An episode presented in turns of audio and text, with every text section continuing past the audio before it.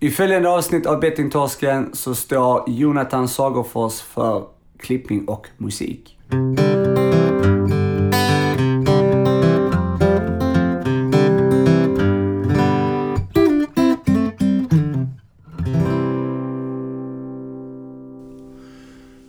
Jag hade en dröm. Jag sitter ensam i ett stort kontor med tv-apparater på en stor vägg. Skärmarna visar börskurser och odds på olika matcher. Jag talar oavbrutet i telefon och hör inte när någon ringer på dörren så jag har en blinkande lampa kopplad till ringklockan. Jag är ledigt klädd i vit skjorta och svarta hängslen. Jag sitter bakom ett skrivbord och köper och säljer aktier och tänker ut avancerade system att spela på. Jag hade en längtan. En otrolig längtan att komma någonstans i livet. Jag såg på TV hur andra människor hade det. Villa, snygga bilar, pengar. Jag var en drömmare. Om jag ville ha något så skulle ingenting kunna stoppa mig. Jag var en sån som aldrig såg några problem, bara lösningar. Men mitt liv var långt ifrån någon dröm. Jag arbetade som målare. Men kunde inte jobba på grund av en skada i nedre delen av ryggen som kom i 20-årsåldern. Men trots att det verkade konstant var det ingen som trodde mig bland arbetskamraterna. Jag kallades simulanten. Ibland hade jag så ont att jag inte kunde gå upp ur sängen på morgonen. Ibland kunde jag fastna mitt i en rörelse och tvingas stå så i tio minuter. Diskbrock, misstänkte läkarna. Men man kunde inte konstatera det. Några år senare fick jag diagnosen reumatism. Under den här tiden var jag sjukskriven i långa perioder. Det var då jag började spela på allvar. Jag hade köpt en lägenhet och flyttat hemifrån. Och under dagarna så satt jag och tittade på börskurserna och planerade olika spel. Det kunde vara en trippel på oddset, banderesultat, stryktipset, trav. Jag satt länge med olika tidningar och plockade ut matcher för kvällens spel. Det var det jag gillade mest med spelandet. Och känslan av att få bångarna i handen. Gärna tidigt på dagen.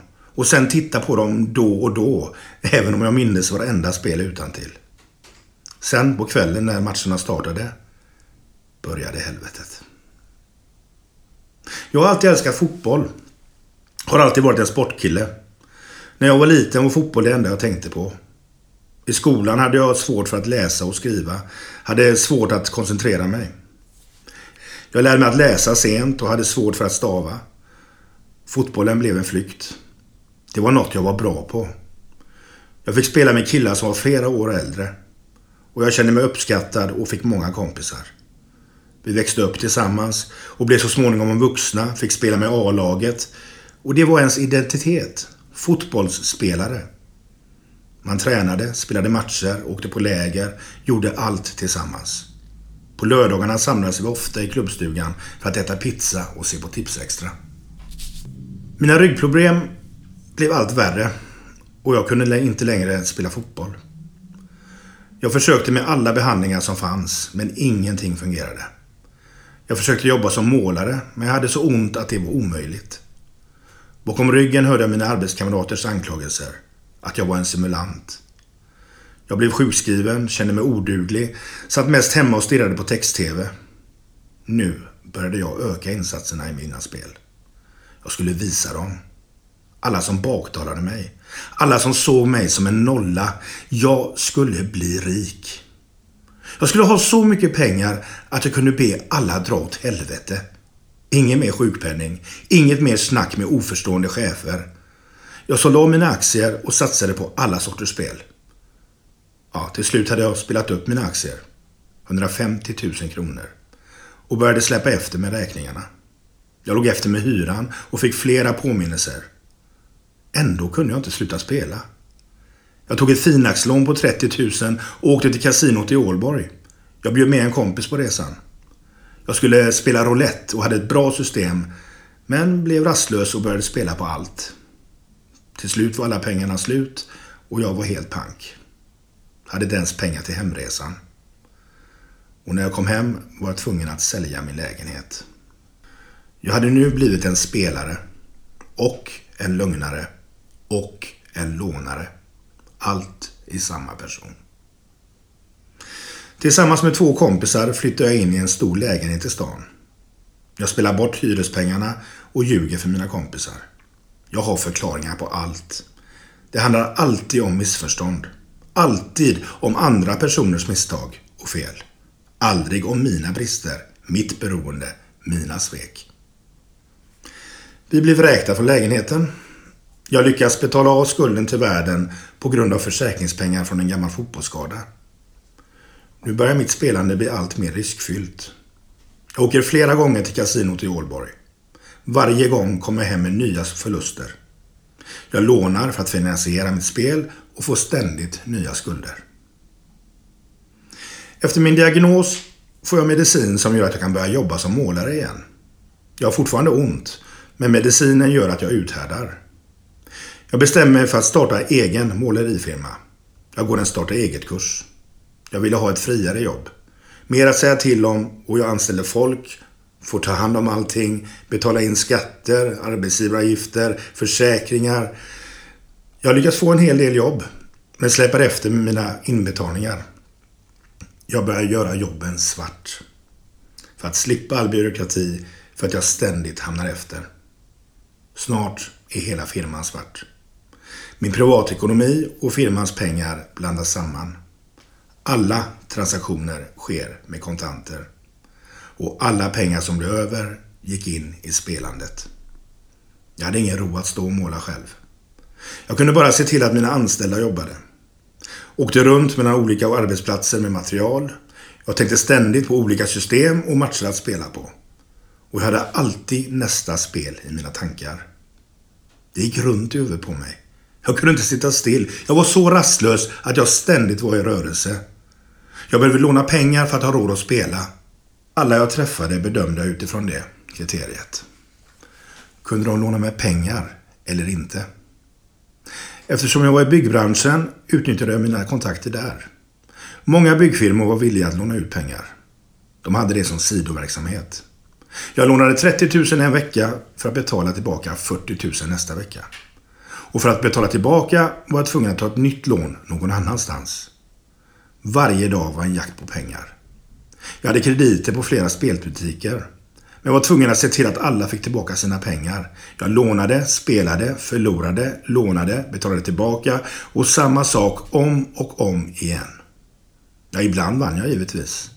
Men aldrig så att det täckte upp förlusterna. Jag var tvungen att fortsätta spela för att vinna. Det var det enda jag visste. Det var min enda tanke att vinna.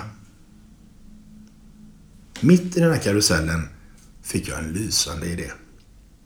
Jag skulle köpa en spelbutik. Jag övertalade min storebror och min bästa kompis att vara med. Vi hittade en lokal och slog till. Jag gick in med den största andelen, 65 procent. Men eftersom Svenska Spel har hårda kreditkrav på spelbutiksägare och jag inte skulle godkännas på grund av några kronofogdeärenden så var det de som skulle stå för butiken. Jag var övertygad om att mina kontakter med spelare skulle öka butikens omsättning. Det som händer, det är att jag, som är den som står mest i butiken, får fritt fram till spelet. Det finns inga mellanhänder längre. Min storebror, bästa kompis, de märkte ingenting. De trodde att allt fungerade bra. Den 20 maj öppnar butiken. Den 12 juli stänger Svenska Spel ner maskinerna. Då har jag en skuld på 627 000 kronor. 627 000 kronor på 54 dagar. När jag var liten så älskade jag att springa. Jag kunde springa flera kilometer i sträck utan att bli trött. Och hela tiden så tänkte jag på olika situationer i fotboll. Hur jag på något sätt blir hjälte. Det är landskamp och halva svenska landslaget blir magsjuka och jag som sitter på läktaren får hoppa in på topp. Jag gör det avgörande målet i 89 minuten med en språngnick. Ja, jag var en drömmare.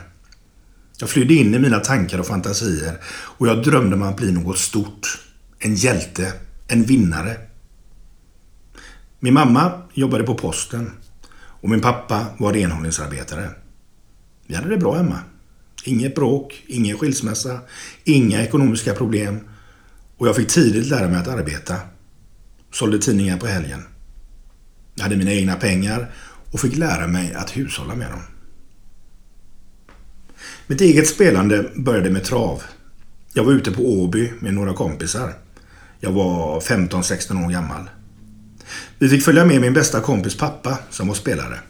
Jag lärde mig snabbt och imponerade på de vuxna med mina kunskaper. Och fick snart följa med ut till Åby utan mina kompisar. Jag spelade för 200 kronor varje gång.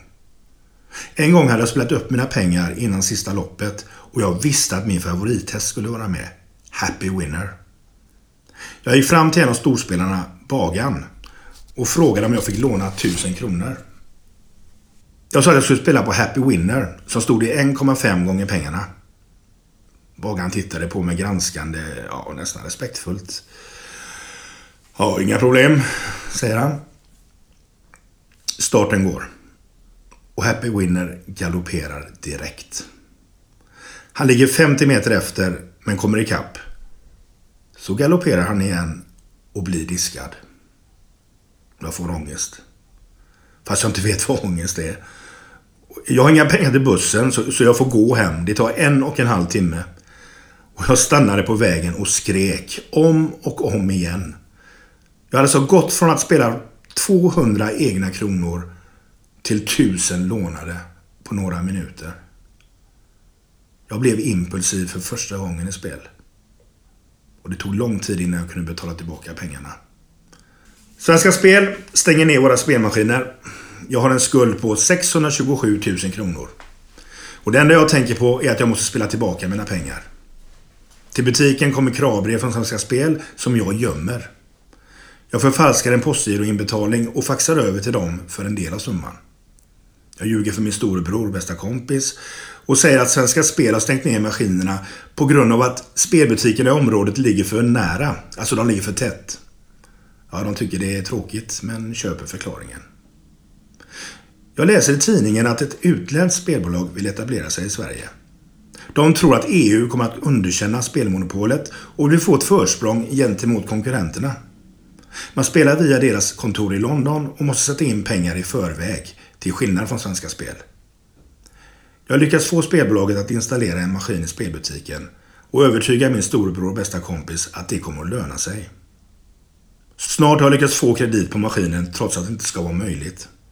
Och är snart uppe i en skuld på 125 000 kronor. När jag inte är i butiken åker jag runt i min målarbil och försöker låna pengar. Det blir svårare och svårare eftersom jag har skulder överallt. Jag får försöka hitta nya sätt, ta nya kontakter. Viktigast är att ha bra relation till andra spelbutiksägare. För att få det måste man röra sig med mycket pengar, ha en tjock plånbok och spela mycket. Men man måste vara försiktig med att visa sina vinster. Då undrar de vart vinstpengarna tar vägen. Men då och då är det bra att skylta med sina bragder för att visa sin skicklighet. När min egen spelbutik var körd i botten var jag tvungen att hitta ett ställe där jag kunde få en rejäl kredit. Det råkade bli en butik nära där jag växte upp. Dit kunde jag ringa in spel och sedan komma förbi och hämta mina bongar. Ägaren hette Niklas. Och även om han inte kände mig så såg han till att jag ganska snabbt kunde öka min kredit. Nu skulle jag kunna spela mig ur mina skulder. Men det gick inte som jag hade tänkt mig. Jag har oflyt och jag förlorar. Dagarna gick in i varandra. Jag levde i målarbilen, hade alltid på mig målarkläderna. Men jag var alldeles för rastlös för att kunna måla en vägg. Eftersom telefonen ringde i ett på grund av skulderna så kunde jag alltid skylla på att det hänt något akut på någon annan arbetsplats och åkte iväg. Jag åkte runt på måfå. Ibland stannade jag och gick in i en möbelaffär eller bygghandel. Jag kollade in möbler och drömde mig bort. Ibland åkte jag till någon bilhandel och låtsades vara intresserad av att köpa en ny bil. Det, var så jag fick ny energi. Jag hämtade syre samtidigt som jag funderade på vilken bil jag skulle köpa när jag fått den stora vinsten. Som jag kom närmare och närmare. Eftersom jag inte ville att min sambo skulle få reda på hur mycket pengar jag spelade bort så gömde jag alltid bongarna under mattan framför förarsätet i bilen. Jag vågade inte ha dem i lägenheten. Jag var alltid lika orolig att bilen skulle bli stulen över natten om jag eh, hade någon vinst att hämta ut. När slutskedet i kvällsmatcherna närmade sig hittade jag alltid på en anledning att gå ut. Ja, oftast något jobbrelaterat. Jag satte mig i bilen och lyssnade på Sportradion. Fick höra dramatiken i slutskedet och inte bara se på text-tv i hemlighet när min sambo var ute och poppade popcorn på min begäran. Eller gick på toaletten. I bilen, där kunde jag skrika och svära och jubla och låta alla känslor komma ut. Hemma vågade jag bara visa upp mindre spel när det var landskamper som vi såg tillsammans. Samtidigt under mattan i bilen låg spel för tiotusentals kronor som jag aldrig skulle kunna förklara eller försvara. Som spelare så är det lätt att få för sig saker. Om något bra händer i ditt liv, ja det kan vara vad som helst, då tänker du att du är het. Man höjer insatsen. Man riskerar mer. Man känner sig oövervinnlig. Man känner att allt bara studsar i. Det kan vara någonting på jobbet som går bra och direkt översätter du det till spelet. Idag ska jag satsa, tänker du. Samma sak är det om man märker att någon annan spelare är het. Ja, då försöker man ta rygg på den. Man kanske väljer samma häst i ett lopp eller väljer samma färg i roulette. Fast man kan vända på det också. Om något jävligt hänt som att tjejen gjort slut så tänker du att du måste spela upp dig. Du deppspelar för att komma tillbaka på ruta ett. Som att det är det enda sättet för att må bra igen. Det är att vinna pengar. Det är som att allt är kopplat till spelet. Det finns en tråd mellan allting i ditt liv till de där bångarna under gummimattan i bilen. Man känner att varje spel är avgörande för hur man mår. Att det är enda sättet att mäta saker på. Du lever bara för nästa spel. När alla problem ska försvinna och ersättas av den stora vinsten som skall förändra allt. Alla lögner ställs upp som en lång rad av dominobrickor runt omkring dig. Bakom varje bricka finns det en person som du svikit och som nu kan rasera allt genom en lätt knuff. Det enda sättet att klara sig, det är att ljuga igen och att ständigt vara i rörelse. Att hitta nya människor att låna pengar av. Det är då man till slut lånar pengar av fel personer. Det hände mig. Jag hade lånat pengar av en byggfirma som jag kände till men inte haft så mycket kontakt med och skulle betala 50 000 kronor. Dagen innan pengarna ska betalas får jag ett samtal av en indrivare från ett kriminellt nätverk. Jag får bara veta att jag ska infinna mig på en bestämd plats samma kväll. Och eftersom det är dagen innan lånet ska betalas så är jag lugn. Jag har inga pengar som är på väg in men tänker att jag får hitta någon annan att låna av nästa dag. På väg till mötesplatsen får jag en känsla av att något är fel. Indrivarna som jag möter väntar sig att jag ska ha med mig pengarna och är inte intresserade av min förklaring att det är fel dag. De ger sig på mig med full kraft. Det är mitt livs värsta stund som inte går att berätta om. Som är outsägligt. Som endast är förnedring. På väg hem snurrar det i huvudet på mig. De har tagit fel på dag. De har tagit fel på dag. De har tagit fel på dag. Det är det enda jag kan tänka. Nästa dag är jag fullkomligt paralyserad. Jag kan inte röra mig. Jag är handlingsförlamad. Jag är helt tom. Jag vet att jag har lovat att betala pengarna samma dag, på rätt dag. Men jag kan inte förmå mig att ens ringa ett samtal. På eftermiddagen beger jag mig till Niklas spelbutik. Han är inte där så jag snackar med han som står i butiken, Janne. Jag frågar om han vet någon som kan låna ut 50 000. Jag säger att jag har hamnat i knipa. Och Janne tänker efter och säger att jag kan ringa Niklas. Niklas svarar och jag förklarar situationen.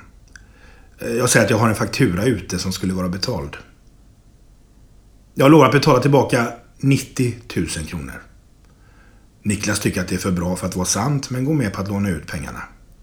Vi träffas vid Operan på kvällen. Jag har dessförinnan ringt och försökt höja lånet till 60 000 för att ha något att leva på över julen. Niklas hade nekat och sagt till mig att passa mig så att han skulle ångra sig. Och när vi träffas så säger han att jag ska få de där 10 000 mot att måla hans hus invändigt. Han förklarar vad han vill ha och jag går med på det. Ja, det skulle senare visa sig att bara materialkostnaderna för målarjobbet skulle kosta mer än de 10 000. Men dagen är räddad och jag kan betala indrivarna skulden. Jag sitter i min bil. Telefonen ringer. Det är min storebror. Han har fått ett inkassokrav från Svenska Spel. Tidigare hade all post gått till butiken och jag har städat undan alla spår. Det är som att skulden inte finns. När min bror frågar vad som har hänt ljuger jag. Nej, det är fel, säger jag. Svenska Spel har gjort fel. Men efter ett tag så erkänner jag.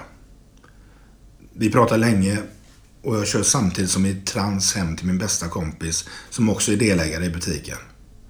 Om min bror har fått ett brev så har säkert han också fått det. Jag åker till hans hus och går fram till hans brevlåda och jag hittar brevet från Svenska Spel och jag tar det. Jag gör det instinktivt, som för att skydda honom från vad som har hänt. Efter det så går jag en bit och så bryter jag ihop fullständigt. Jag faller ner på marken och gråter. Allt bara flödar inom mig och väller ut. Alla känslor, alla lögner, alla svek. Jag har ingen kraft kvar i kroppen. Jag är helt tömd. På något sätt så lyckas jag ta mig därifrån, men jag vet inte hur. Mina totala skulder uppgår nu till en och en halv miljon kronor. Skillnaden är att jag inte är ensam om att veta om det. Min bror är den som får ta alla smällar. Han möter alla upprörda indrivare och berättar att de ska få sina pengar i tur och ordning. Jag packar hockeybag med kläder och åker hem till min bästa kompis. Jag gömmer mig från omvärlden. Kastar mobiltelefonen och söver mig med sömntabletter. Några dagar tidigare har jag fått 13 rätt på Stryktipset. Jag vann 65 000 kronor på ett avancerat system. Men det är endast en droppe i ett stort skuldtyngt hav. När jag kvitterar ut vinsten hos Niklas får jag större kredit och spelar bort allt på några dagar. Jag skyllde honom 124 000 när jag ligger nedsövd hemma hos min bästa kompis. Niklas hotar min bror med indrivare från kriminella gäng. Pengarna måste fram. Min bror lugnar honom och förklarar att pengarna kommer. Min sambo får reda på vad som har hänt och försöker stötta mig. Jag kommer hem igen. Jag börjar jobba som målare på en kompis målarfirma och börjar sakta få ordning på dagarna. Jag jobbar 7 till 4 varje dag. Samtidigt märker jag hur dåligt alla andra mår. När jag blivit lättare från bördan är det som att alla andra fått den över sig. Jag mår plötsligt jättebra. Jag inordnar mig duktigt i vad alla säger. Jag ska leva ett vanligt liv. Jag ska sluta spela.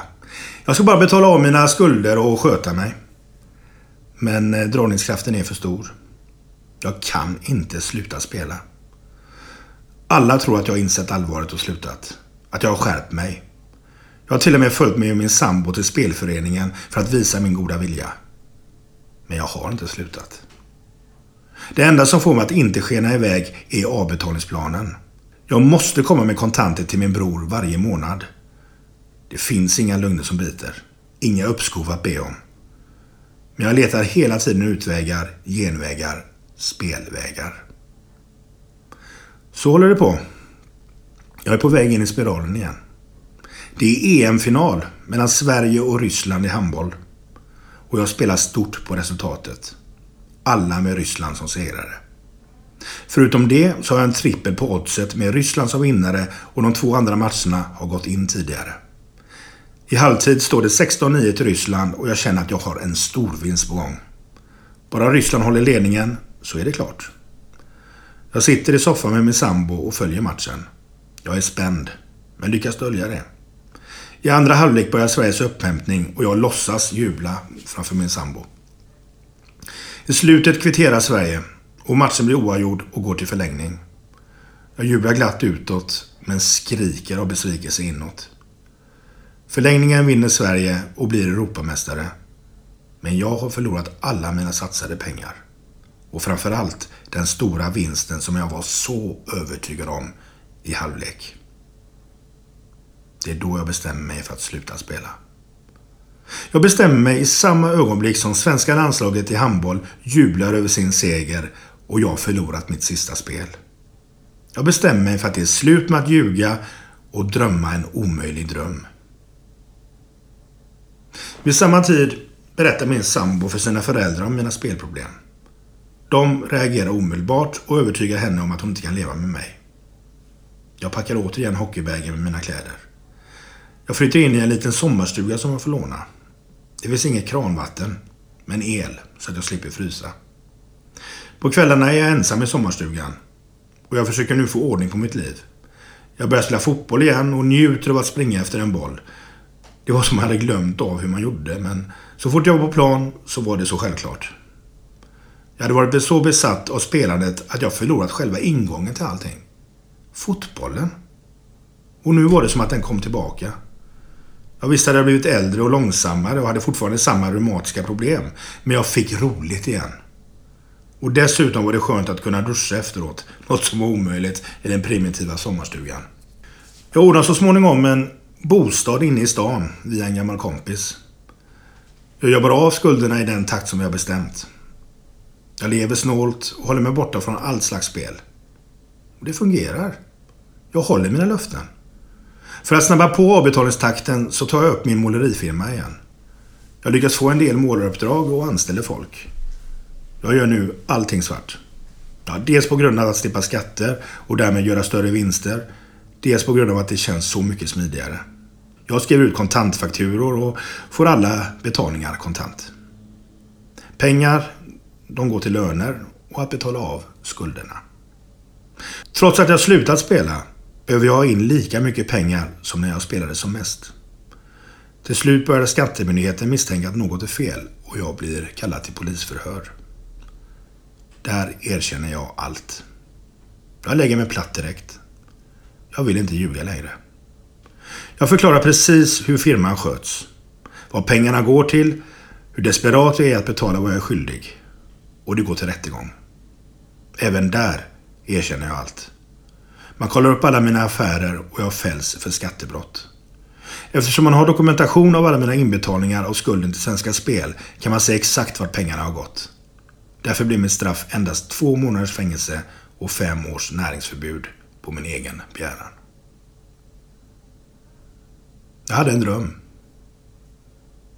Jag vet inte var jag fick den ifrån. Jag skulle sitta på ett kontor i vit skjorta och svarta hängslen. Sitta i telefon och sälja och köpa aktier. Gå igenom odds på olika matcher som står på tv-apparater. Skapa avancerade system och vinna stora pengar. Bli oberoende. Kunna hjälpa kompisar och familj om det uppstod ekonomiska problem. Jag ville vara en problemlösare.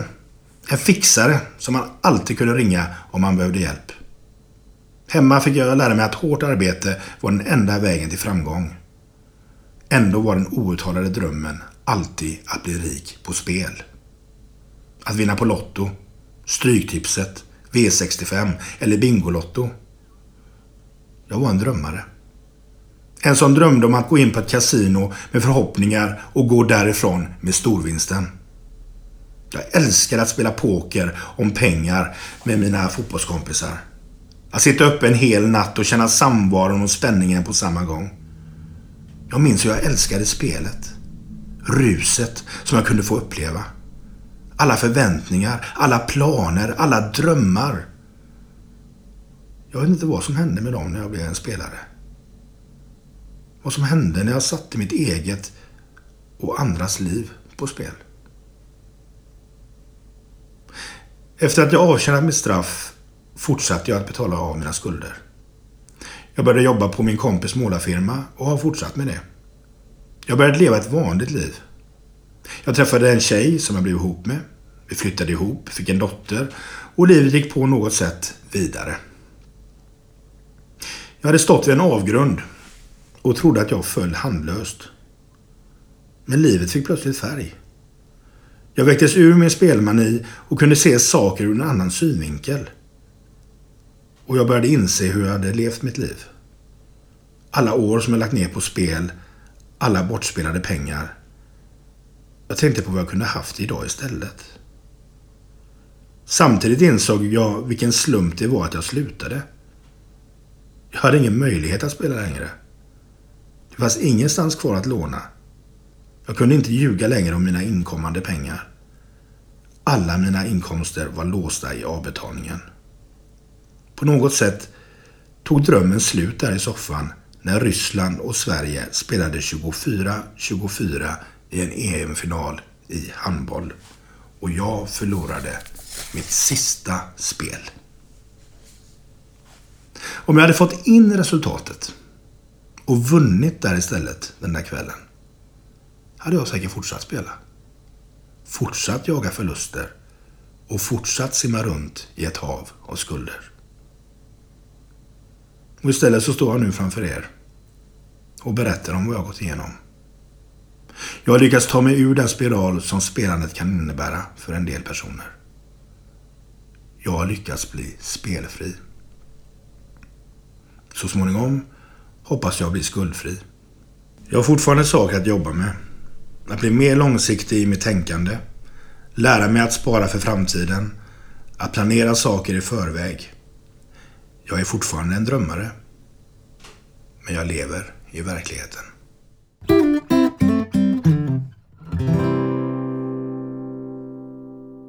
Det vi precis har fått höra är eh, Micke Målan Erikssons berättelse inläst av eh, den kända skådespelaren Kjell Wilhelmsen. Yes. Yes. Um, stort tack till uh, Micke som ville vara med och uh, del, dela med sig av den här berättelsen till oss. Mm. Och, um, och stort tack också för Kjell, till Kjell att han, att han uh, läste in den. Ja, Ja. ehm, vi kan ju presentera oss och sedan Micke som kommer komma in här då. Eh, han eh, är också känd från uh, Götena-podden med Glenn Hussein. Um, värt att nämna. Mm. Fredagskänsla. exakt. Mm. Bra. Vad har du haft för dig då? Sista tiden? Ja, eh, vad jag har haft för mig. Jag har, eh, jag har gjort mycket reflektionstänkande på sista tiden här faktiskt. Ehm, Mm. Jag har ju gått, jag går psykolog fortfarande, eh, vilket du känner till. Mm. Och ehm, nej, men man har fått lite reflektioner på, på, på just beroendet egentligen av, av spelandet eller vad konsekvenserna. Och det, det är ju inte att man liksom ska skylla ifrån sig då på någonting överhuvudtaget utan men, men det här är att insikten av ehm, att eh, jag har ju trott länge att jag har haft alkoholproblem bland annat. Eh, från yngre ålder också. Eh, jag har betett mig, betett mig väldigt dåligt, alltså väldigt illa egentligen när jag har druckit. Eh, men nu har man ju förstått lite att välmåendet har baserats väldigt mycket på spelandet. För det har varit under de stora delarna av mitt liv. Ändå inte haft så mycket pengar när vi var yngre. Men när jag väl hade pengar så har jag spelat för de pengarna. Och ehm, det har ju egentligen lett till att jag inte har mått bra för jag har ju inte ofta vunnit. Och har jag då kombinerat det med alkohol så har jag då gjort väldigt dumma saker. Mm. Eh, och det har jag kommit lite till insikt i att, att, eh, att det har så stor påverkan. Vilket är eh, väldigt tokigt alltså. Nu i efterhand. Så det är väl egentligen det som har hänt den sista tiden. Ja, Mm. kan jag väl säga. Det är ju skönt att få den insikten. Jo, absolut. Det är det ju. Eh, självklart är det det. Ehm, men som sagt, man jobbar ju med det hela tiden så det är ju, det är ju någonting som man kommer få fortsätta med och, och gå och eh, man får se vilka steg och, och så att man, man be- befinner sig på. Just nu är man ju ett, jag är i en situation just nu när jag har kopplat bort väldigt mycket av eh, eh, av intresset från, som jag haft från början och det är framförallt fotboll då. Jag har Mm. gjort mycket sportsbett då, alltså spelat mycket på fotboll och sådär. Mm. Och jag har egentligen helt och hållet hållit mig ifrån det. Alltså Mm. just eh, alla fotbollsmatcher och allting. Eh, och då blev det ett omedvetet så. Mm. Um, mm, så det, det är ju väldigt tråkigt egentligen. Jag spelar ju fortfarande fotboll och tränar men, men själva alla matcherna jag tittar på och hänger med. Man har ju liksom koll på alla matcher, alla ligor. Isländska division 2 hade man till och med koll på liksom. Mm. Mm. Känner igen det där. Ja, eh, men sen så har jag bytt, bytt ut då en del saker så att man, man, man måste ju använda energin rätt. Så jag har ju bland annat anmält mig på ett eh, projekt egentligen här i Göteborg. Eh, eller lite olika projekt. Men ett är att man eh, bland annat besök hos äldre. Mm. Eller inte bara besök utan man träffar då en äldre person som är ensam. Det har Göteborg i alla fall. Mm. där man träffar eh, och delar historier och hittar på lite aktiviteter. Och, så det är lite sånt jag har underhållit mig med nu Eh, ja. Mm. Själv då? Bra. Ja, själv. Vad har eh, du hittat på den sista tiden här? Eller senaste tiden? Eh, Jag har eh, inte gjort något sådär speciellt, jobbat på, eh, försökt att eh, jobba med mina, mina tankar och eh, försöka hålla sp- spellockelserna utanför. Ja. Eh, och eh, vi har ju varit nere på spelföreningen här, Spelberoendesföreningen i Göteborg ett par gånger. Bland annat så var vi där och fick eh, tag på Jimmy som har varit gäst ju Mm. i podden. Mm. Eh, så man har varit där och bekantat sig lite med den miljön. Men igår var jag då där på mitt första riktiga möte. Mm. Det funkar ju som du vet som ett AA-möte ungefär, man ser på TV och sådär. Ja. Sitter i en grupp och alla får eh, säga så mycket eller så lite som man vill. Och, eh, ja, så jag var där, testade på det. Hur, var- hur, kände, hur kändes det då?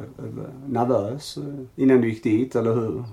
Nej, inte innan jag gick dit så var det faktiskt, eh, kändes helt lugnt. Man är lite spänd såklart men inte direkt nervös. Och sen så, jag var en av de sista som skulle prata och när det började närma sig min tur så blev man ju såklart lite, lite nervös och man började falla in lite grann i det här prestationstänket. Man ska säga någonting bra, vettigt, Mm. det ska låta bra.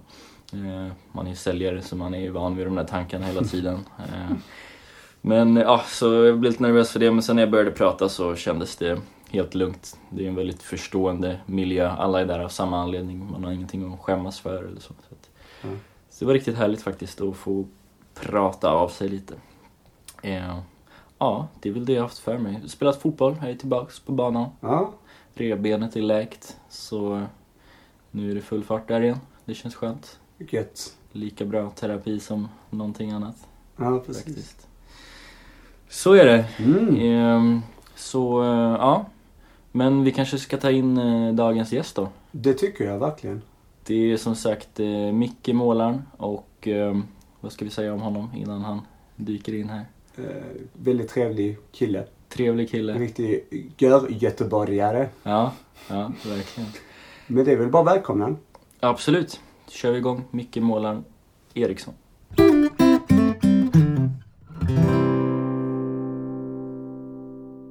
Hur känns det nu Micke att eh, leva i verkligheten? Ja, i verkligheten är eh, spelfriheten kan vi kalla det faktiskt. Eh, Absolut. och det är ju min verklighet idag. Och eh, jag kan rekommendera den till alla eh, som har spelproblem. Eh, att testa den verkligheten. För den är...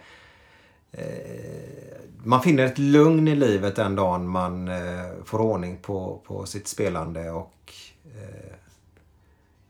jagandet efter allt möjligt som eh, det innebär för vissa då som har spelat. Eh, så verkligheten är eh, ja, fantastisk.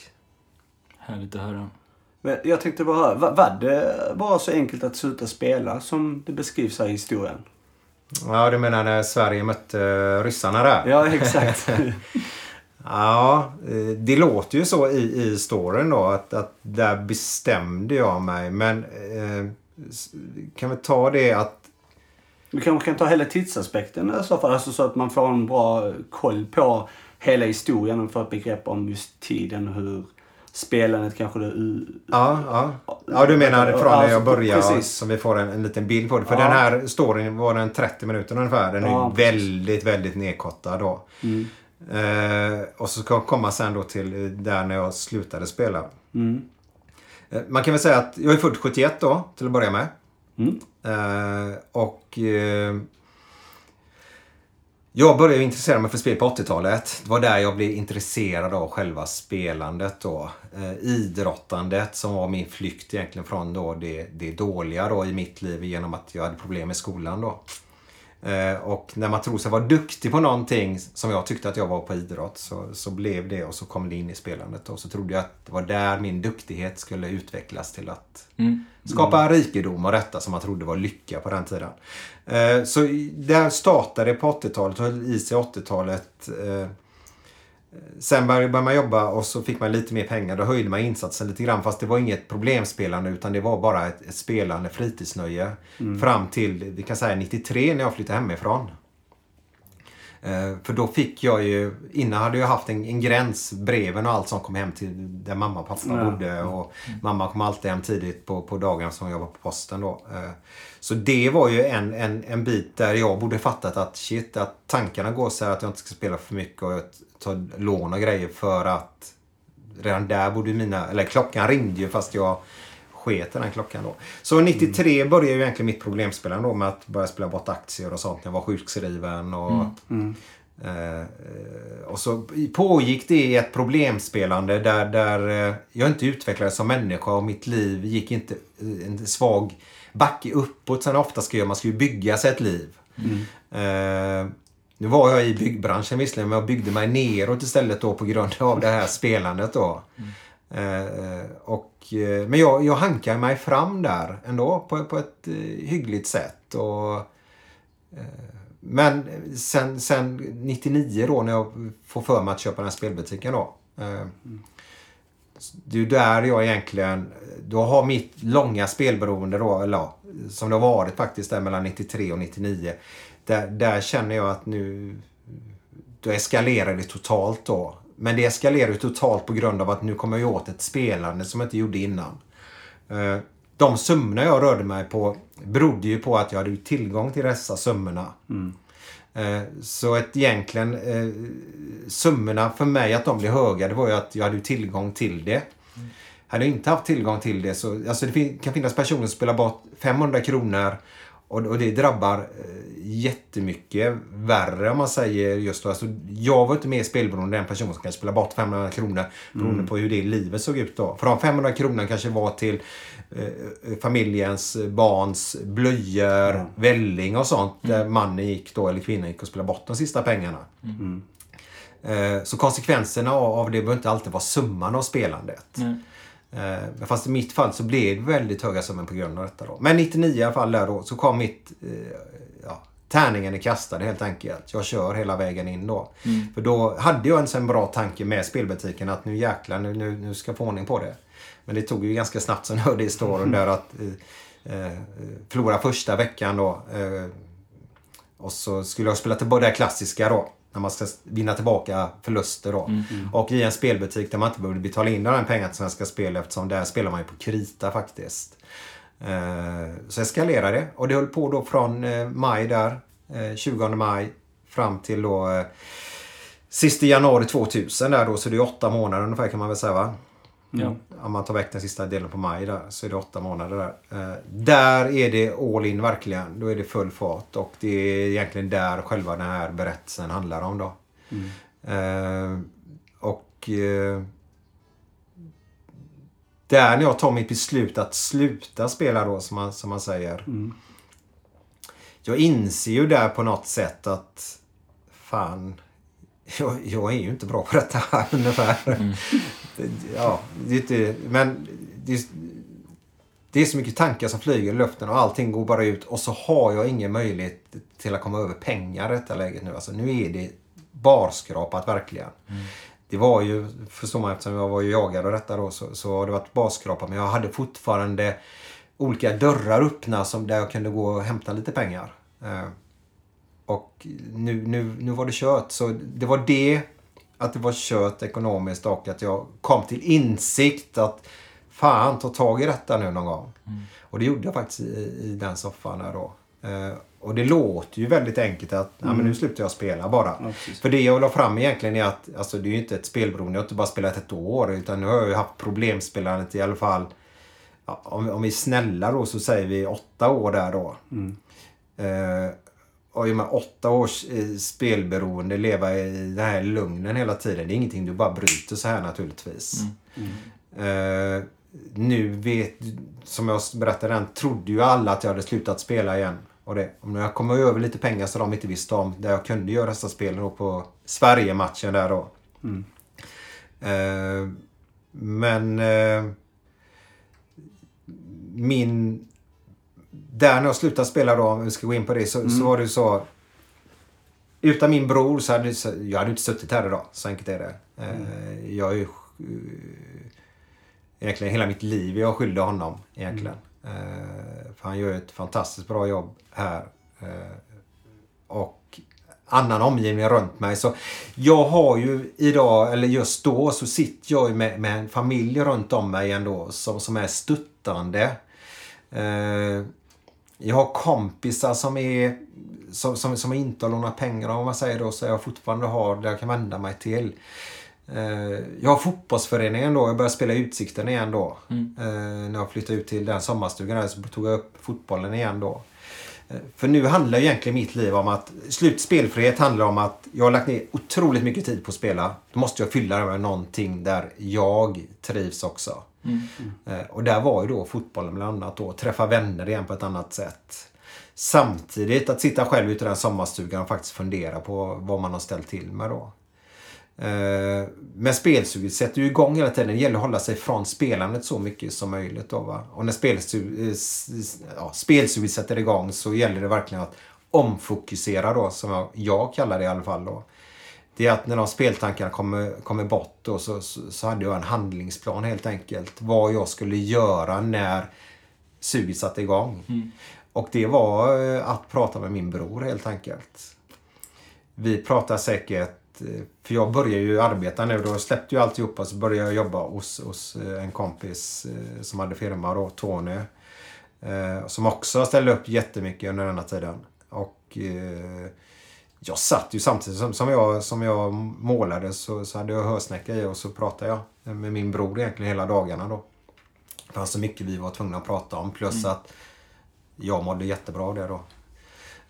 Så det var jag ju tvungen att göra då. Då är det du liksom får hålla dig frisk då? Alltså ifrån spelandet? Liksom. Hålla mig ifrån spelandet då. Plus mm. att jag fick ju energi och det. Plus att som jag sa där då att jag, jag var inte jagad längre. Ja. Jag var inte jagad. Jag mådde ju jättebra på det sättet. Jag fick ju lugn och ro och harmoni. och eh, Jag jobbade, pengarna kommer till dig. Ni får lugna er. Den stora smällen fick ju min bror ta då. Mm. Mm. Eh, så samtidigt som jag går upp där och mår bra då så, så så, går, ju, går ju han, får han ju ta skiten och gå ner sig och få hela den stressen över sig istället då. Har ni fortfarande den, eh, den typen av kontakt att ni, eh, ni bearbetar det här än idag eller har det liksom Nej. Det, det, det, nej, det har vi inte. Vi, vi borde gå hos en, en eh, heter terapeut, gruppterapeut eller sånt där. Mm. Han och jag bara och lösa. Det, det, jag har varit väldigt dålig att visa min uppskattning till min bror då. Mm. Uh, Får hoppas att han lyssnar på det här. Ja, så, ja det, det, tror jag att han gör. Men uh, vi träffas och sådär men vi umgås inte. Mm. vi inte. Mm. Uh, men där är ett stort ok på mina axlar. Jag tror man säger så i alla fall. som jag behöver ta tag i. Mm, men det, men, ja. ja du pratade lite om det här med just att du var, alltså den här, man, man är jagad och så här. Och du, du beskriver också i historien här att, att du jagade av fel personer. Mm. Uh, och det kan vi, ja men det, jag är nyfiken, hur kändes det? Att vara liksom jagad av fel personer eller så här. Ja. Eh, nu var jag, jag var ju egentligen jagad varje dag men fast inte av fel personer då. Mm. Eh, och den stressen just när telefonen ringde direkt. Alltså till, till, jag fick, en, en gång bara, jag är ju en sån här person som tar lätt på det mesta då. Mm. Eh, och ser, som jag var tvungen att göra hela tiden. Jag var tvungen att se framåt. Ska jag sätta mig ner och börja rannsaka vad fan har jag ställt till med? Då hade jag ju brutit ihop. Utan mm. därför var det hela tiden se framåt bara. Mm. Inte bakåt, inte bakåt. Framåt, framåt bara. Nya möjligheter, nya sätt att låna pengar, nya sätt att spela och detta då. Mm. Eh, och eh, så telefonen varje gång jag ringde så, så det var inte så att jag visste att shit nu ringer någon här och lånar ut pengar till mig. Utan det, det var ju någon som skulle ha pengar istället. Mm. Så telefonen blev egentligen den största stressfaktorn då. Så den dagen när jag låg där nedsövd, eller nedsövd, men jag tog sömntabletter och åkte hem till min kompis Figge där och bodde i... Kom, minnet är ju dåligt som sagt var, men mm. tre dagar tror jag bodde där hos honom. Eh, där slängde jag ju min gamla telefon och fixade en ny med ett nytt mobilnummer då. Mm. För att jag just skulle få lugn och ro då. Eh, därmed den här fel personen, det som hände där. Mm. Är ju en väldigt kort kort tid eh, det uppstår. Om du förstår, alltså där, där var jag inte jagad utan jag får ju det samtal, eller jag var jagad just den kvällen mm. naturligtvis. Ja får ju det Det måste vara en samtalet. jäkla stress liksom. Eller så här. Ja, men jag fick ju dålig känsla när jag åkte Ja. ner dit. Det, det här var ett industriområde nere i Kungsbacka jag åkte ner till. Eh, Jag får ju den där stressen när jag kommer dit ner. Och när man kommer dit ner och ställer bilen där och ser att... Man ser på människor. Är det, är det, är det, är det, är det allvar eller är det... Ska vi bara Ja. tjomma och skoja lite? Ja, precis. Och det märker jag ju ganska tydligt att de har ju missuppfattat det där då. Eh, Men jag har ju aldrig spr- sprungit och gömt mig om du förstår. Okej. Eh, Därför har jag inga... Det finns säkert någon där ute som är arg på mig men jag har inga ovänner om man säger på det sättet. Eh, Jag bara tänker att det, det kan ju vara många människor som, som lyssnar på det här och som kanske befinner sig just i den här situationen. Så det kan vara bra, eller ja, igenkänningsfaktorn liksom Ja. där att man bara det, pro- problemet var att får lösa det. Det, ja, det som hände mig det hände ju där nere i Kungsbacka. Jag är på väg dit ner och vet om att det är imorgon de ska ha pengarna. Det är ju inte idag. Mm. Ja. Sen när jag närmar mig det så får jag en dålig känsla. Och en magkänsla som säger att det är dåligt. Då är det, bara, då är det oftast dåligt. Mm. Eh, jag åkte dit och det som hände, hände där nere. Jag åker hem och så löste jag det återigen då dagen efteråt. Och det var lite roligt för det är ju dagen innan julafton där när jag åker till hans spelbutik. Den 23 december då. Och får låna de här pengarna för att betala dem då. Eh, därför julen kommer in där. Ja. Eh, ja. Eh, Så jag var aldrig jagad riktigt om man säger sådär att jag fick springa och gömma mig och sånt. Utan Mm. det kom ju faktiskt senare. När de stora skulderna skulle betalas tillbaka Mm. sen då. Mm. Så, men om man nu har skulder och sånt så är det bästa det, det är att fejsa och lägga upp sig helt enkelt och förklara situationen för dem. Eh, problemet är med spelare då, det är att om du som eh, förälder, eh, broder, kompis löser det här problemet för dem så är det inte det att de slutar spela bara för det. Absolut inte. Utan då har du bara hittat en lösning för att de ska kunna fortsätta spela egentligen. Så det är inte alltid man ska gå in och hjälpa faktiskt. För man kan stjälpa mer. Jag blir hjälpt jättemånga gånger på vägen under denna tiden. Utan man gör en uppföljning då. Vad, vad tar pengarna vägen? Eh, för har man spelproblem då behöver man hjälp att hålla ekonomin också. Det är jätteviktigt. Vad är, vad är tipset liksom då? Alltså att göra för att kunna få... För, för en anhörig då som har... Ja, ett då, lita aldrig på spelaren. Mm. Det är det första då. Om det är en kille eller tjej som har ett spelberoende. Lita inte när det gäller pengar. Sen kan du lita på den personen till 100% när det gäller andra saker. Men när det gäller pengar, lita inte på det. Eh, dubbelkolla då helt enkelt. Vad, vad tar pengarna vägen? Eh, för om det är en person som har ett spelproblem och inte vill ha hjälp med ekonomin säger vi då just att du kan få ha min bankdosa. Så att du hjälper mig med situationen som uppstått. Men du får ha en bankdosa som du ser att de inte går in till olika spelbolag och sånt då. Och när personen inte vill att du ska ha den så är det ofta ett tecken på att den personen vill gärna hitta en öppning till att kunna spela vidare då. Eh, Så det är ju frågan då, den spelaren, hur, hur motiverar han är att sluta spela då? Så eh, det enda jag kan säga egentligen att eh, försöka få med den här spelaren till Spelberoendeföreningen då. Här, i- vi är ju i Göteborg. Ja. Ja, det finns ju på många andra platser. men det var ju, jag tänkte Ja. på Patrik och Jimmy här i Ja, Göteborg precis. bland annat då. Och Ja. det finns ju fler folk där uppe. Eh, där, där är, bara, bara ta snabbt Mm. det med anhöriga då. Att även om spelaren inte vill gå dit, du som anhörig, gå dit upp och sätt dig. Lyssna Mm. bara. Få en förståelse. Få en förståelse, få, få tips på hur du ska göra i din situation. Mm. Det är det viktigaste. För en, jag värnar ju mer om de anhöriga idag Mm. mot själva spelarna om du förstår mig rätt nu. För det är de som drabbas. Men det, det är ju lite intressant det där du var inne på med eh, när man, när man då ska hjälpa en spelare ekonomiskt, om det faktiskt kan ha motsatt eh, effekt. Eh, Jag tycker det är någonting som alla borde tänka på, för jag hade en eh, sån situation själv. Första riktigt sådär dumma jag gjorde som spelare var när jag var 18 och jag spelade på min mammas kreditkort, såna ICA-bankkort. Ja. Jag satte in pengar på Svenska Spel och spelade poker och sådär. Och det uppdagades ju ganska snabbt givetvis. Men Ja, det det var självklart. stänger man ju av. Eh, och det var inga stora pengar, det var någon, jag tror det landade på någon 500 sådär. Men hon, eh, hon pratade mycket då om att, eh, och var helt öppen med mig eh, om det, att hon var, funderade på, att polisanmäla mig just för att ska få den där väckarklockan. Till slut så gjorde hon inte det. Men jag tror att, och det var ju jag jätteglad för liksom, man precis har fyllt 18 och man har eh, vuxenlivet har börjat, vill man inte börja med en polisanmälan. Men jag tror att det kanske hade varit det smartaste att göra i det läget. Eh, för att jag hade, skulle få den där ja, uppvaknandet på en gång. Det hade Mm. nog kanske varit bäst liksom. Det är väldigt svårt där för din mamma att, att polisanmäla sin egna son då. Jättesvårt. Eh, Men ja, det är, oavsett om man, om man hamnar i just en sån konkret situation så är bara som ett allmänt tips till alla, det du, det du var inne på, att tänk efter vad du faktiskt, eh, hur du hjälper på bästa sätt. Mm. Det är inte alltid pengar. Det är alla signaler. Det finns ju jättemånga signaler och det, det kommer vi framåt nu så med tiden att berätta mer om just de här signalerna och för att kunna då, eh, som anhörig också kunna se, eller om man misstänker att kanske sitt barn eller någon annan eh, har då spelmissbruk till exempelvis så, så eh, ska man faktiskt kunna på ett eget sätt eh, kolla det här. Liksom att eh, stämmer många av de här punkterna in på, på den här personen då, då är det en varningsflagga liksom och då får man agera därifrån.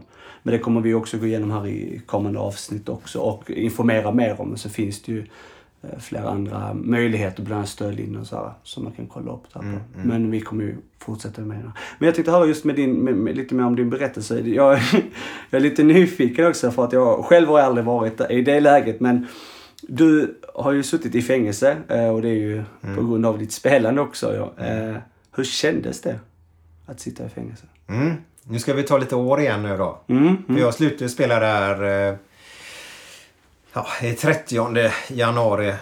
30, jag för mig det var 30 och 31 där. Som, som jag då tar beslutet och med hjälp av, av anhöriga, nära kära och eh, en massa jävla jobb helt enkelt så, så, så löste jag det. Och jag får min dom. Den, ja, det var också dagen innan julafton. Eh, 2003 okej. får jag den. Eh, och jag satt i, i, i rättegång eh, mm, ja, 15 och 16 december någon gång. Det tog eh, lite längre tid. Där satt jag i, i rättegång. Eller så fick jag en mellandagen. Jag kommer inte ihåg exakt då. Eh, men då, då satt vi i rättegång. Jag och en... Eh, jag hade med mig en vän. Eh, var med mig. Och då hade vi gjort så här att vi hade gått till, kanske låter ointressant, men jag ville göra den som minnesvärd dag på något Absolut. sätt. För det var inte så... Jag skulle lägga mitt gamla liv bakom mig då. Ja. Så vi drog till Hagabadet och körde en... Eh, simmade lite gött och tjötade och eh, käkade gott och sen gick vi till tingsrätten då. Mm. Och eh, jag bröt ihop en gång som förhandlingen fick eh, avbrytas eh, där inne. Eh, och det är ju manligt skämmigt faktiskt då. Eh, jag skulle berätta då eh, hur jagad jag var helt enkelt. Ja, de här känslorna kom över mig i alla fall. Men där då hade jag precis blivit pappa också för första gången. Eh, min dotter Maja född 7 november. Så jag har ju en, en liten eh, ettåring hemma, eller ettåring, en månads bebis där hemma då. Eh, jag hade anställning på hos eh, Tony då. Skaffat ny flickvän då. Vi var sambos. Jag hade gjort egentligen allt rätt för att staten då ska vara faktiskt väldigt snäll mot mig då. Så, så jag får ju två månaders fängelse bara då. Eh, advokaten höll på där med massa med pengar och grejer och det gick ju verktyg dit och färger. Jag bara, jag sket ju i det. Om man säger. De försökte få ner summan för tydligen ju mer momsen man har blåst på ju längre ska fängelsestraffet vara då. Men jag fick två månader bara. Eh, jag kunde lika gärna fått tre månader. För att om man får tre månader så får du bara sätta av, sitta av två tredjedelar. Och det är ju två månader. Men får du två månader så får du sitta två månader ändå. Men på så sätt kan man missköta sig i fängelset. De har ju den månaden att skit jag jobbar då får jag en straffdag till. Man, får man en, förlänger de ju fängelsestraffet då. Så vet ni hur det funkar. eh, Tills vi är där. Nej, men det är därför de har den tredjedelen för att folk ska sköta sig i fängelset då. Som jag vet många är arga på då. Men det är för att de ska ha ordning och reda i fängelset. Eh, det var lärorikt faktiskt. Eh, jag fick strida för jag frågade min advokat då.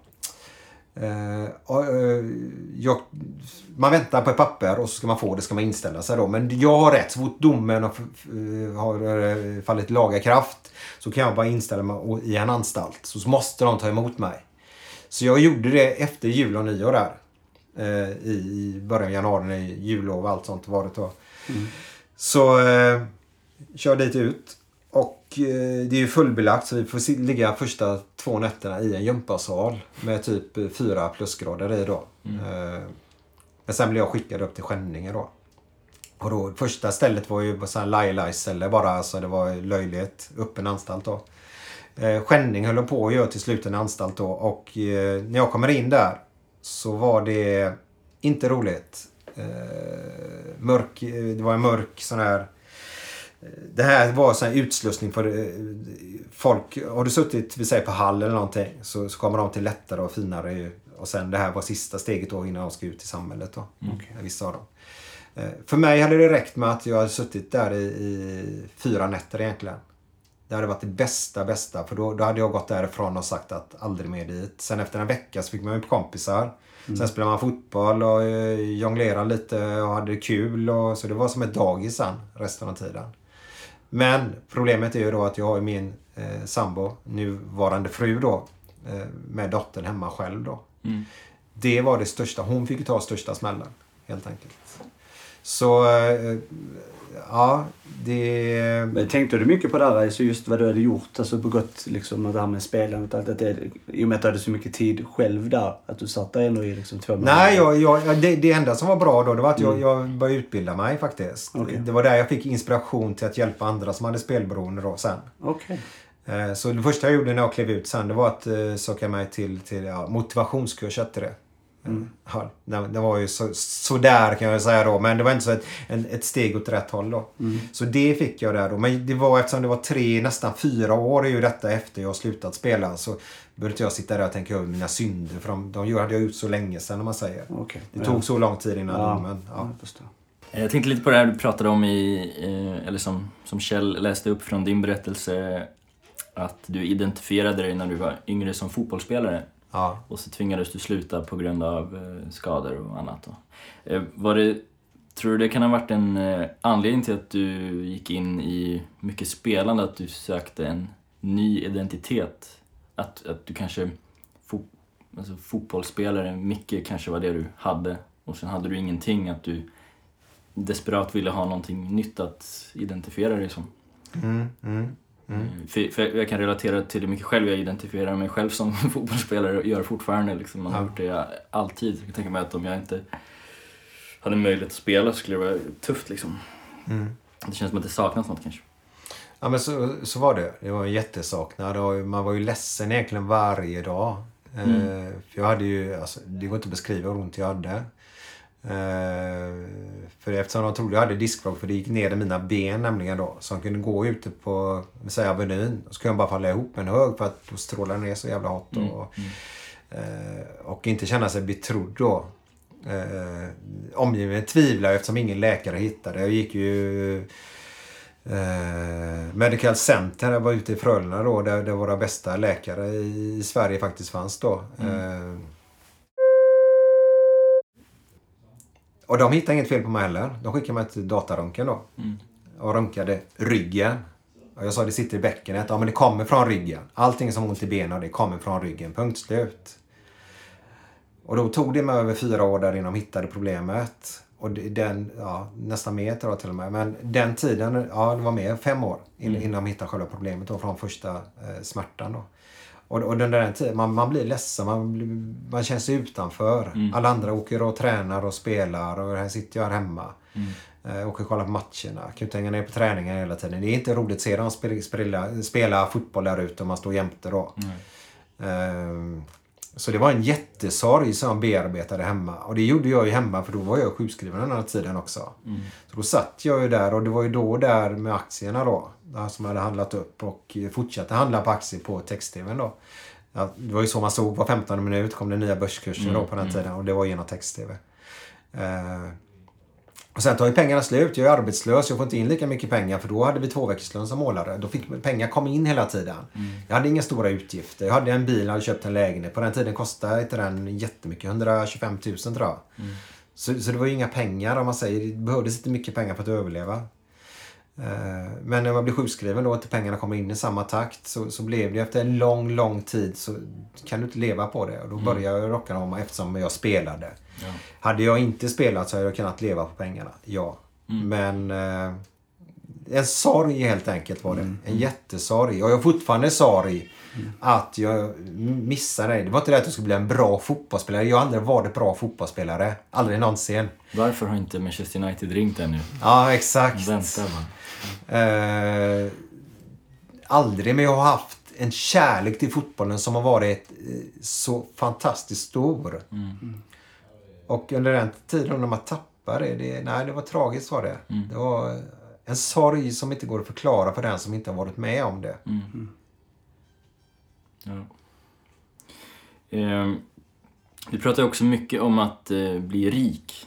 Ja. Det var ditt stora mål. Jag är lite nyfiken på vad, det, vad du tror, om du ska tänka efter liksom, lite mer på djupet, vad det, vad det kommer ifrån. Det är inte allas dröm att bli, bli rik. Just. Nej. Det tror jag, jag tror att alla vi som har spelat och spelar, vi har nog alla haft den, men jag tror absolut inte det är, eh, det, det är inte lika vanligt i resten av samhället, om man säger så. Nej. Vad, vad tror du det kommer ifrån, självändamålet att bli rik? Ja, jag nämner ju lite grann det i texten där. Eh, För det är ju en sån grej som man tänker på nu när man är lite äldre. Sådär då. För, för idag handlar ju- bygger inte jag några rikedomar. Och det Ja, men du sa att du, du skulle bli rik för att kunna be alla dra åt helvete, sa du. Ja, men, jag tänker Ja, att det, ja. det, det känns som att det är väldigt mycket på ytan. Alltså, Ja. vad, Ja men det var ju här- sorgen jag hade. Det. Jag hade ju, det, det blir ju till slut att man bara... Men jag, jag hade en chef efter jag kom tillbaka av sjukskrivningen. Jag skulle jobba 25% om dagen. Det är två timmar. Mm. Vad gör han då med lille pojken Micke där? Jo, han får ju mig till att jobba sex timmar om dagen istället. Den här, jag ska inte nämna hans namn men jag har lust att göra det egentligen. Han såg ju inte mig som människa. Han tyckte ju bara, vad fan, ja men sex timmar i alla fall, det här måste bli klart. Ja, vad gör man? Då står man ju där för att man vill ju då få eh, få eh, bekräftelse. Alla människor mår ju bra av bekräftelse. Den människan hade eh, kunnat be att dra åt helvete idag också om det är så, om man nu lever. Mörk blick nu. Ja, faktiskt. Nej, men det, det är en sån grej. Alltså, jag kände ju utanförskap också. Mm. Eh, För så länge de inte tjänar pengar på mig, då var inte jag värd någonting. Och jag själv har inte bedömt människor på det sättet. Men rikedom, det, det, det vet jag varför. Jag ville vara fixaren, vill jag vara. Jag har alltid mått bra av att hjälpa andra människor. Eh, vill gärna inte stå i centrum och prata. Nu pratar jag visserligen här då, men det är inte sådär jättenoga. Men jag vill vara den som har mycket information. Jag älskar att ha mycket information. Vi kan kalla skvallergubben då. Ja, men ha mycket information. Och grejen är att jag har alltid fått väldigt mycket information. Och jag brukar kunna säga vad jag tycker och tänker också då. Så då har jag kunnat tänka så här, om någon får problem, då kan jag vara fixan för den personen eller dem. Och, så här. och de tankarna har jag än idag, de måste jag bearbeta med. Och se mig själv i första rum, som jag ännu inte gör tyvärr då. Eh, Så jag tror... Ja, bo bra, ha ett gött liv, frihet. Alltså, det är ju inte lycka pengar. Pengar är inte lycka. Eh, Jag är jättelycklig idag med min, familj som jag har. Eh, Men pengar ger ju en frihet. Men har, har, har jag inte den kärnlyckan i mig så hjälper det inte att ha massa pengar. För man undrar ju alltid med han som hade så mycket pengar, varför tog han livet av sig för? Mm. Och därför är den här stora vinsten, är inte lycka. Och det har de forskning på. Jag vet inte om du är intresserad av detta nu men Jo, verkligen. Det, det, är ju- ja, jo. de, de, Eh, de har ju forskning på detta. Vinner Ja. du stora pengar eh, så, så, så skapar det ju lycka eh, hos, hos människor. Fast efter ganska, ganska snar tid så klingar den av ganska, ganska mycket. Och inom ett år så har den klingat av helt nästan. Jo, eh, det är klart och det har vi fått, eh, det har vi fått höra från, från många och att det, det, det som i alla fall inte jag hade tänkt på innan vi, innan vi eh, ja, startade den här podden exempelvis att den största vinsten är eh, faktiskt din största förlust då. För att den skadar dig mycket mer än vad den hjälper dig. Även om man inte förstår det innan man har fått den.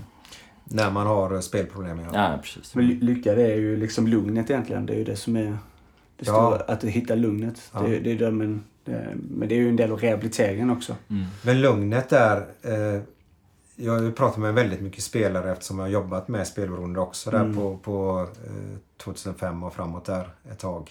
Eh, och det var ju den, de berättar med lycka verkligen och glöden i ögonen. Det var det där när de kunde en helg sätta sig med familjen, kanske ta sig ett glas vin, göra en god middag och inte känna stressen i kroppen utan de kände lugnet. De är här och nu med sin familj, kolla på TV eller sånt där. Det behöver inte vara mer än så. Och så bara vara i nuet. Den lyckan som de sa, den slog ju allting mot vad spelandet hade slagit innan. En, vinst om man säger. För då är det ja! Ungefär. Men den lyckan där, det är lugnet. Så lugnet, precis som du sa, Mm, mm. det är lycka det. Det är det vi måste jobba med allihopa. Ständigt. Men du, jag tänkte vi... eh, Har du, Daniel, vad känner du? Eh, Har du ma- några roliga frågor kvar eller ska vi runda av den här och kanske Jag hade fråga? en till men ja. jag fick lite, nej men jag, jag, jag fick svar på den också faktiskt. Eh, Jag hade, jag, min plan var att fråga om du hade någon speciell plan för din eventuellt stora vinst som du har, som du pratar om då. Men Ah. eh, du svarade lite att du vill, eh, ja, du vill kunna hjälpa till och så här och, och, och ja, Ja. vad fixar Micke? Men, men, men, men eftersom jag gick in i ett spelberoende där så spelar det ingen roll hur mycket miljoner jag hade vunnit. Nej, det menar du. Mm. Det, hade bara gett mig ett jävla häftigt liv i ett halvår om jag hade Mm. vunnit typ fem miljoner. mm. Och sen så har det bara varit... Det är också konstigt. Jag bara säger en sista där. Mm. Att om det är någon som vunnit mycket pengar. Så tror ju folk att den personen har mycket pengar. Om man nu spelar bort alla pengarna igen. Så den personen är folk väldigt villiga att låna ut pengar till. Mm. Är inte det konstigt? Jo. Jo, det är det. Det är verkligen det. Det borde man inte behöva, Nej. så kan man säga. Det var tydligt. Ja. Men du, jag tänkte, Micke, har du som sista fråga, vad har, har du något kul att kunna rekommendera i livet bara? Som en sån här sista härlig fråga. ja. Då eh, jag och eh, min partner då i, i podden då. Mm. Eh, Glenn Hysén. Vi har börjat träna nu på gamla dagar. Ni, ni skrattar. Nej, nej, jag, ja, jag tränar. Så. Ja, ja. Vi ser är- framför oss att det är en, eh, ja, det är mest en kaffe på gymmet kanske. Nej men vet du vad? Vi, vi, har, vi, Man vi ska aldrig har, underskatta. nej, vi har fått en PT faktiskt. Okej. oj. Har vi fått. Mm. Eh, och, det kan, alltså, och helst kan man göra det här i, i grupp faktiskt. Alltså två eller fler Mm. kan man göra med PT också. För då blir det den här lagkänslan vi pratade om som var min sorg förut. Mm. Och den får vi lite grann där. För vi är ju inte så tre stycken. Det är ju Sandra, jag och Glenn där. Mm. Och nu skulle Glenn svanka senast han skulle göra en övning. Mm. Och män i 57-årsåldern och svankning. Det är ingen hit. Jag lovar er. Så den bilden har jag på min näthinna nu. Men vi mår så jävla bra av att röra oss. Mm. Så om man är äldre, yngre eller van till, rör på er hela tiden. För det skapar ett lugn i oss faktiskt. Och det skapar ett lugn i mig. Och jag blir en bättre pappa hemma.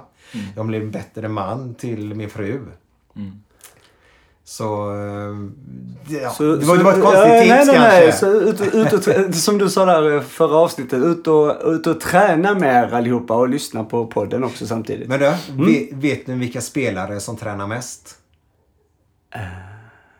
Alltså spelare i, alltså, nej. Jag, Ja, tror alltså- jag, jag, tror jag vet. Folk, folk som spelar Ja, på Det är de på travbanan va? Exakt, som ska ropa in hästen i mål. Springa ner sista 70 metrarna. 70, ja, det är nära närmare 100 meter tror jag. Springer de snabbare än hästen till och med. Häst, hästgubbarna, de är Ja. De är de spelarna som Vi måste ju ta hit, om det är någon, är någon som lyssnar som är en hästspringare, Ja, hör av er ja, exakt. och kom hit och prata om det. Hur hör de av sig? På, eh, de hör av sig på, eh, mailen är bäst ju. Ja, Det är daniel.bettingtorsken.se eller, ja Joakim med ch at bettingtorsken.se. ja, Ja, Ja, och Facebook finns vi också på, det vet jajamän. vad, vad hittar man där då? Bettingtorsken heter vi rakt av bara. Bettingtorsken. Ja. Mm. Så det är bara att gå in och och om du inte har gillat så gör det på en gång nu Micke, vet du. Jag tror inte att du har gillat faktiskt. Nej, men då går jag in och gillar det nu då. men då måste den vara aktiv också. Den är aktiv. Jo, då ska jag fram komma med sista tips då. Ja. Skit i sociala medier. Ja. Jag håller på. Jag håller på. Jag ska ta ett break på ett år här nu från Facebook då. Men jag ska gilla Men er innan du innan tar- då. exakt. Ja, självklart. Men jag ska ta ett break där. Faktiskt. Jag gjorde det? det. Jag gjorde det innan... Det är en eh, utmaning alltså. Jag var borta i tre månader och det var tufft. Ja, men det är det bästa alltså. Ja. Seriöst. Ja. Eh, Jag startade igång min Facebook igen, men det var ju på grund av att vi startade podden. Ja. För då kan jag ju lansera den lite grann. Eh, och nu har jag varit med där i ett år, för vi har haft podden nu i ett år. Och nu ska jag hoppa av igen faktiskt. Sicken skit det är där inne. Ja. Träning och ingen sociala medier. Där har Nej, du träning, Nej. gilla bettingtorskens sida och sen går du ur Facebook. Ja! De tre, Ja. ordningen är viktig. Och så mejlar man bettingtorsken Ja, bara. Så exakt. blir det skitbra Traditionellt faktiskt. med- Och lev i frihet boys. Eller i spelfrihet. Ja. Vi gör vad vi kan. Mm. Yes, men eh, ska vi runda av då? Eh, vi får säga stort tack för att du tog dig tid, Mm. Micke. Tack. Och tack för att vi eh, får massa fina tips och inspiration. Bra. Lycka till nu killar. Det ska bli kul att följa er resa. Mm. Grymt.